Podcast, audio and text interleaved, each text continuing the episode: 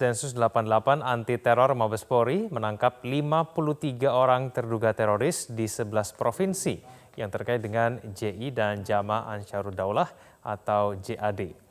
Mabespori menangkap sejumlah orang terduga teroris dengan sejumlah alat bukti, besaik, senjata api rakitan maupun ribuan kotak amal untuk modus pendanaan terorisme. Dalam merilis kasus terorisme di Mabespori ini juga ikut hadir dari MUI dan Kementerian Agama. Kementerian Agama mengimbau warga agar berhati-hati dan mengecek akuntabilitas lembaga saat akan beramal dan berinfak karena banyaknya modus kotak amal untuk pendanaan teroris yang tersebar di Indonesia. Sesuai dengan syariat, jadi aman syari, aman regulasi, dan aman NKRI. Ya. Jadi kita harus pastikan bahwa infak sodokah yang kita berikan harus mendukung atau tidak boleh digunakan untuk hal-hal yang bertentangan dengan ideologi negara kesatuan Republik Indonesia. Itu sangat penting sehingga kita juga harus melihat kepada siapa kita berinfak dan bagi mereka yang melaksanakan ini harus betul-betul memperhatikan. Densus 88 anti teror Mabespori mengungkap sejumlah jaringan teroris di beberapa wilayah di Indonesia. Pengungkapan ini merupakan hasil penegakan hukum tindak pidana terorisme di bulan Agustus 2021. Informasi selengkapnya kita bergabung dengan Valentina Chelsea langsung dari Bares Krim Mabespori Jakarta. Chelsea, bagaimana hasil dari pengungkapan kasus ini? Sampaikan oleh Kadif Mabes Polri, Irjen Pol Argo Yuwono, bahwa dari 53 tersangka terduga teroris yang sudah diamankan oleh pihak kepolisian. Ini terdiri dari dua jaringan yakni Jamaah Islamiyah atau JI dan juga Jamaah Ansarut Daulah atau JAD di mana 50 di antaranya ini merupakan dari Jamaah Islamiyah dan tiga orang di antaranya ini merupakan dari jaringan JAD. 53 terduga teroris yang diamankan oleh Densus 88 anti teror ini diringkus dari 11 provinsi berbeda yang merupakan uh, penangkapan sejak tanggal 12 hingga 17 Agustus 2021. Tadi disampaikan oleh Kadif Humas Mabes Polri Irjen Pol Argo Yuwono secara akumulasi di tahun 2021 uh, pihak kepolisian khususnya Densus 88 anti teror ini sudah uh, mengamankan ataupun meringkus sekitar 135 tersangka terduga teroris di tahun 2021. Kemudian untuk di tahun 2020 ada 64 tersangka terduga teroris dari jamaah Islamiyah dan di tahun 2019 ada 25 uh, eh, tersangka terduga teroris dari jamaah Islamiyah dan berikut untuk uh, selengkapnya kita simak bersama pernyataan lengkap dari Kadif Humas Mabes Polri Irjen Pol Argo Yuwono. Satu minggu itu kita bisa mengamankan lebih kurang 53 orang yang kita amankan. Dari 53 ini 53 yang ada ini uh, dari jaringan jamaah Islamiyah sebanyak 50 orang ya. Itu yang kita amankan di 10 provinsi sedangkan yang satu provinsi ini yang jaringan dari Ansar Daulah ya pendukung ISIS tiga orang itu di Kalimantan Timur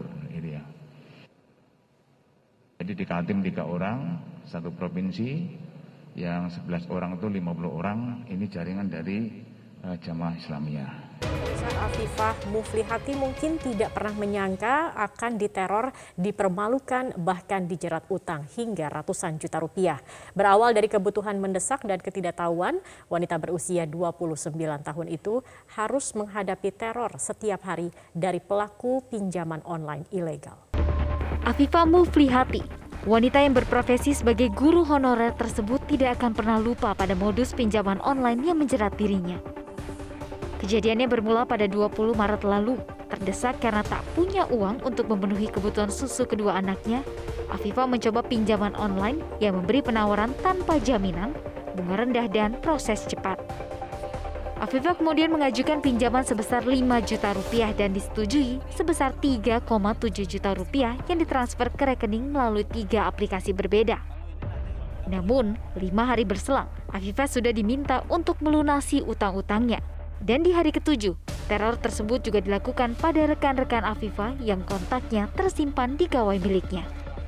Karena terus-menerus menerima teror penagihan, Afifah pun kembali melakukan pinjaman Hingga total, ia meminjam di 40 aplikasi yang belakangan diketahui hutangnya telah mencapai 206 juta rupiah.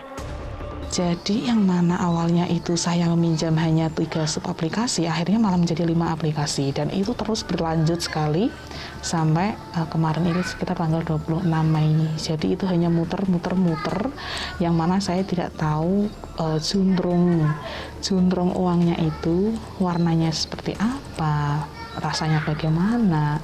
Jadi dengan kata lain memang saya tidak menggunakan uang itu, Mas. Semakin keji, Selain kata-kata kasar, oknum pinjol ilegal ini juga mengancam foto editan seolah telanjang dan disebar ke kontak WA. Dibumbui fitnah yang mencemarkan nama baiknya. Karena merasa trauma, ia pun menggadai sertifikat rumah untuk melunasi utang. Dengan rincian telah membayar 158 juta dari total 206 juta. Sementara itu, Afifah kini melalui kuasa hukumnya tengah menempuh jalur hukum berkaitan dengan kasus pinjol serta pencemaran nama baik. Kalau ini persoalannya itu menyangkut banyak pihak, banyak masyarakat yang terperangkap pada pinjaman online ilegal ini, masa, maka bisa masuk dalam kualifikasi perkara publik. Dari sinilah negara harus hadir untuk melindungi warga negaranya. Ini dalam sudut pandang negara yang diatur dalam konstitusi yang bertanggung jawab untuk melindungi warga negaranya. Modus pinjaman online ilegal berbuntut merugikan bukanlah kali pertama. Beberapa waktu lalu, seorang nasabah pinjol di Jakarta Utara menjadi korban penyebar luasan informasi pribadi ke publik dengan menyebarkan foto korban disandingkan dengan foto wanita lain tanpa busana. Hal ini dilakukan oleh pihak pinjol ilegal hanya karena yang bersangkutan telah membayar utang selama lima hari. Untuk menekan kejadian serupa tidak terulang, Kementerian Kominfo menyatakan bakal memutus akses pinjaman online ilegal untuk membantu Satgas Waspada Investasi yang sudah memblokir 3.193 platform pinjol sejak 2018. Hanya saja diakui SWI, masih terdapat kendala memblokir platform-platform tersebut karena hanya 22% saja server pinjol ilegal yang ada di tanah air. Sisanya berada di sejumlah negara seperti Amerika Serikat, Singapura, Tiongkok, Malaysia, dan Hong Kong. Dan 44% lainnya belum diketahui lokasi servernya. Kesulitan lainnya yang juga dihadapi SWI ialah penawaran pinjol ilegal dilakukan secara pribadi melalui media sosial dan SMS, sehingga perlu peran aktif masyarakat untuk jeli memilih platform pinjol yang terdaftar dan berizin OJK. Pemirsa hingga kini polisi masih mendalami kasus pembunuhan ibu dan anak yang ditemukan di bagasi mobil. Polres Subang menduga pelaku merupakan orang dekat korban dan dilakukan oleh lebih dari satu orang. Misteri siapa pembunuh ibu dan anak gadisnya yang ditemukan di bagasi mobil di Subang, Jawa Barat belum juga terungkap. Polisi berulang kali memeriksa Yosep yang merupakan suami Tuti Suartini sekaligus ayah Amalia Mustika Ratu untuk mencari titik terang kasus ini. Selain Yosep, polisi juga telah memeriksa istri muda suami korban, ketua RT, juga petugas PU yang saat itu bertugas di sekitar lokasi kejadian. Hingga kini, setidaknya sudah 10 saksi yang diperiksa. Nah, saya cek ke belakang, memang memang banyak darah e, di belakang. Lalu saya ngahampiri anak-anak yang di depan ke sini suruh suruh bantuin steril tempat. Tapi setelah anak-anak tengek-tengek ke dalam mobil, ternyata di mobil Alfa hitam yang sudah terbuka kacanya itu ada kelihatan kaki sebelah, nggak tahu kaki siapa, nggak tahu gitu. Setelah itu saya langsung lapor ke Kapolsek ternyata di Kapolsek udah udah duluan Pak Yosep yang lapor. Lalu sama-sama ke sini. Setelah di sini saya belum sempat nanya apa-apa sama Pak Yosep. Pak Yosepnya langsung sok diamankan di sekolah. Lokasi langsung disetari oleh kepolisian. Itu aja Pak. Sementara fakta baru terungkap setelah polisi melakukan pendalaman hasil otopsi dan olah TKP. Dari hasil otopsi, Amalia Pustika Ratu meninggal pukul 5 pagi sementara sang ibu meninggal lima jam sebelumnya. Dari hasil olah TKP juga ada temuan baru. Di lokasi ditemukan ada jejak kaki yang berbeda sehingga diduga pelaku pembunuhan lebih dari satu orang. Sementara jika dilihat dari kondisi TKP yang tidak ditemukan tanda-tanda kerusakan pintu rumah dan tidak ada tindak pidana pencurian, polisi menduga pelaku pembunuhan merupakan orang dekat. Artinya uh, si korban ini mengen mungkin mengenali ya. si pelaku ya?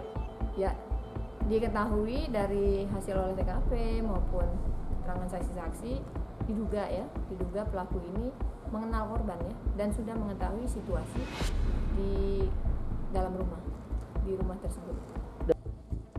18 Agustus lalu, ibu dan anak gadisnya di Subang, Jawa Barat menjadi korban pembunuhan dan ditemukan di bagasi mobil yang terparkir di garasi rumah korban di Kampung Cisuti, Jalan Cagak. Suami korban yang baru datang dari luar kota langsung melapor ke polisi karena panik tidak menemukan keberadaan istri dan anaknya usai melihat kondisi rumah yang berantakan dan banyak ceceran darah. Tim Inafis Polres Subang melakukan prarekonstruksi yaitu identifikasi dan penyelidikan barang bukti pada mobil Alphard di rumah korban. Langkah ini untuk melakukan pendalaman terhadap modus pembunuhan Tuti dan anaknya Amalia. Kita sudah terhubung dengan kontributor Metro TV di Subang, Jawa Barat. Ada Reza Sunaria. Reza, apa pentingnya bagi aparat Polres Subang barang bukti mobil Alphard dalam proses prarekonstruksi ini? Tadi sekitar pukul 1.00 tim Inapis dari Polres Subang dan Polda Jawa Barat uh, melakukan identifikasi ulang terhadap kendaraan Alphard yang saat itu digunakan oh, iya. untuk menyimpan dua jenazah di belakang uh, rumah korban. Dari hasil penyelidikan di dalam alpas tersebut, uh, polisi menemukan sedikit titik terang uh, di mana terdapat sedikit-sedikit jari juga mulai tadi saya lihat di uh, dikorek-korek lagi uh, oleh tim yang kebetulan bertugas dari Inapis uh, Polres Subang dan uh, Polda Jawa Barat. Dari mobil juga uh, kembali menemukan berkas-berkas uh, bercak-bercak darah dibersihkan juga mengambil sidik jari juga ada yang dari tong tong sampah yang diduga uh, tempat sewaktu kejadian menyimpan pakaian-pakaian atau mencuci pakaian uh, para korban demikian. Ya Reza, apa yang ditemukan polisi dari hasil prarekonstruksi ini? Ya, eh, tadi pihak kepolisian dari Inapis juga melakukan prarekonstruksi di tempat kejadian perkara di, di mana dalam prarekonstruksi tersebut menghadirkan tiga uh, orang saksi yang diduga kuat mereka mengetahui saat kejadian atau untuk mencarikan bukti-bukti lain oleh pihak kepolisian. Dari hasil rekonstruksi sendiri tadi juga ada temuan baru yang diperlihatkan seperti banyaknya bekas minuman uh, minuman yang mungkin waktu kejadian ada di lokasi serta adanya satu buah asbak dan kebetulan di dalam asbak itu sendiri uh, sudah ditemukan adanya puntung rokok. Nah ini menjadi bahan penyelidikan oleh pihak kepolisian untuk mencari lebih dalam uh, pelaku dari pembunuhan ibu dan anak tersebut. Dan itu dapat juga saya laporkan bahwa uh, sebelumnya Kapolres Subang juga sudah men menyebutkan bahwa ada bukti lain yaitu sebuah bercak darah di salah satu pakaian eh, saksi yang saat ini sedang dalam penyelidikan eh, pihak kepolisian untuk lebih mengungkap eh, fakta-fakta eh, dan kasus siapa pelaku di balik pembunuhan ibu dan anak tersebut. Demikian, Egan. Pemirsa pemerintah Indonesia berhasil mengevakuasi warga negara Indonesia dari Kabul, Afghanistan. Pesawat evakuasi kini tengah dalam perjalanan menuju tanah air. Informasi selengkapnya kapan tim evakuasi dan WNI dari Afghanistan tiba di Indonesia? Kita langsung bergabung dengan rekan Marshalina Gita yang saat ini berada di Bandara Halim Perdana Kusuma, Jakarta. Gita, apakah sudah ada informasi kapan tim evakuasi dan WNI dari Afghanistan akan tiba di Indonesia? Informasi yang kami dapatkan dari pihak Kementerian Luar Negeri, pesawat TNI Angkatan Udara yang membawa 26 warga negara Indonesia setelah mengevakuasi dari Kabul, Afghanistan akan tiba di Bandar Udara Halim Perdana Kusuma pada pukul 2 dini hari nanti. Tidak hanya 26 warga negara Indonesia saja, namun juga ada lima warga negara Filipina dan juga dua warga Afghanistan yang turut serta dievakuasi karena mereka merupakan suami dari WNI dan juga staf lokal dari KBRI Kabul sehingga total ada 33 orang yang dievakuasi dari Kabul, Afghanistan menuju ke Indonesia. Informasi awal kita ketahui terkait dengan evakuasi WNI ini melalui akun Twitter resmi Menteri Luar Negeri Retno Marsudi yang menyatakan bahwa evakuasi WNI di Kabul, Afghanistan berjalan dengan lancar. Pada pagi hari tadi, Kemudian pesawat TNI AU yang membawa WNI juga sempat transit terlebih dahulu di Islamabad, Pakistan untuk melakukan pengisian ulang bahan bakar sebelum akhirnya bertolak menuju ke Indonesia dan saat ini tengah dalam perjalanan menuju ke Indonesia. Untuk diketahui evakuasi WNI dilakukan setelah situasi atau memburuknya situasi keamanan di Kabul, Afghanistan pasca Taliban mengambil alih ibu kota negara Afghanistan yakni Kabul. Setelah diambil alih oleh Taliban, maka pihak dari Kementerian Luar Negeri pun melakukan komunikasi secara virtual dengan KBRI Kabul dan juga WNI di Kabul, Afghanistan untuk melihat bagaimana kondisi dan juga situasi di sana. Setelah itu juga mempersiapkan bagaimana langkah-langkah dan juga proses untuk melakukan evakuasi WNI di Afghanistan menuju ke Indonesia. Dan dari pihak Kementerian Luar Negeri pun juga melakukan komunikasi dengan pihak Afghanistan, PBB, dan juga NATO dan juga pihak-pihak asing lainnya di Afghanistan setelah akhirnya mendapat persetujuan dan bisa melakukan evakuasi, maka dari pihak Kementerian Luar Negeri menugaskan dari TNI Angkatan Udara menggunakan pesawat TNI Angkatan Udara untuk melakukan evakuasi pada pagi hari tadi. Zilvia. Gita, nanti siapa yang akan menyambut kedatangan para WNI di Indonesia?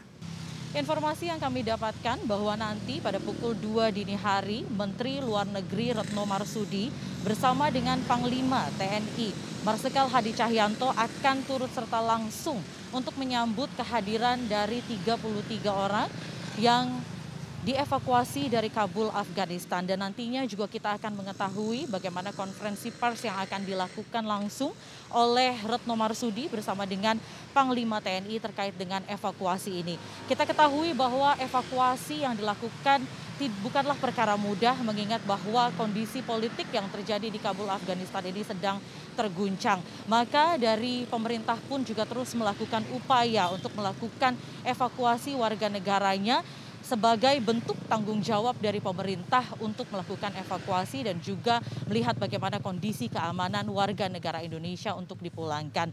Dan nanti kita juga akan mengetahui bagaimana proses dari evakuasi dan bagaimana langkah selanjutnya antara hubungan diplomatik antara Indonesia dengan Afghanistan.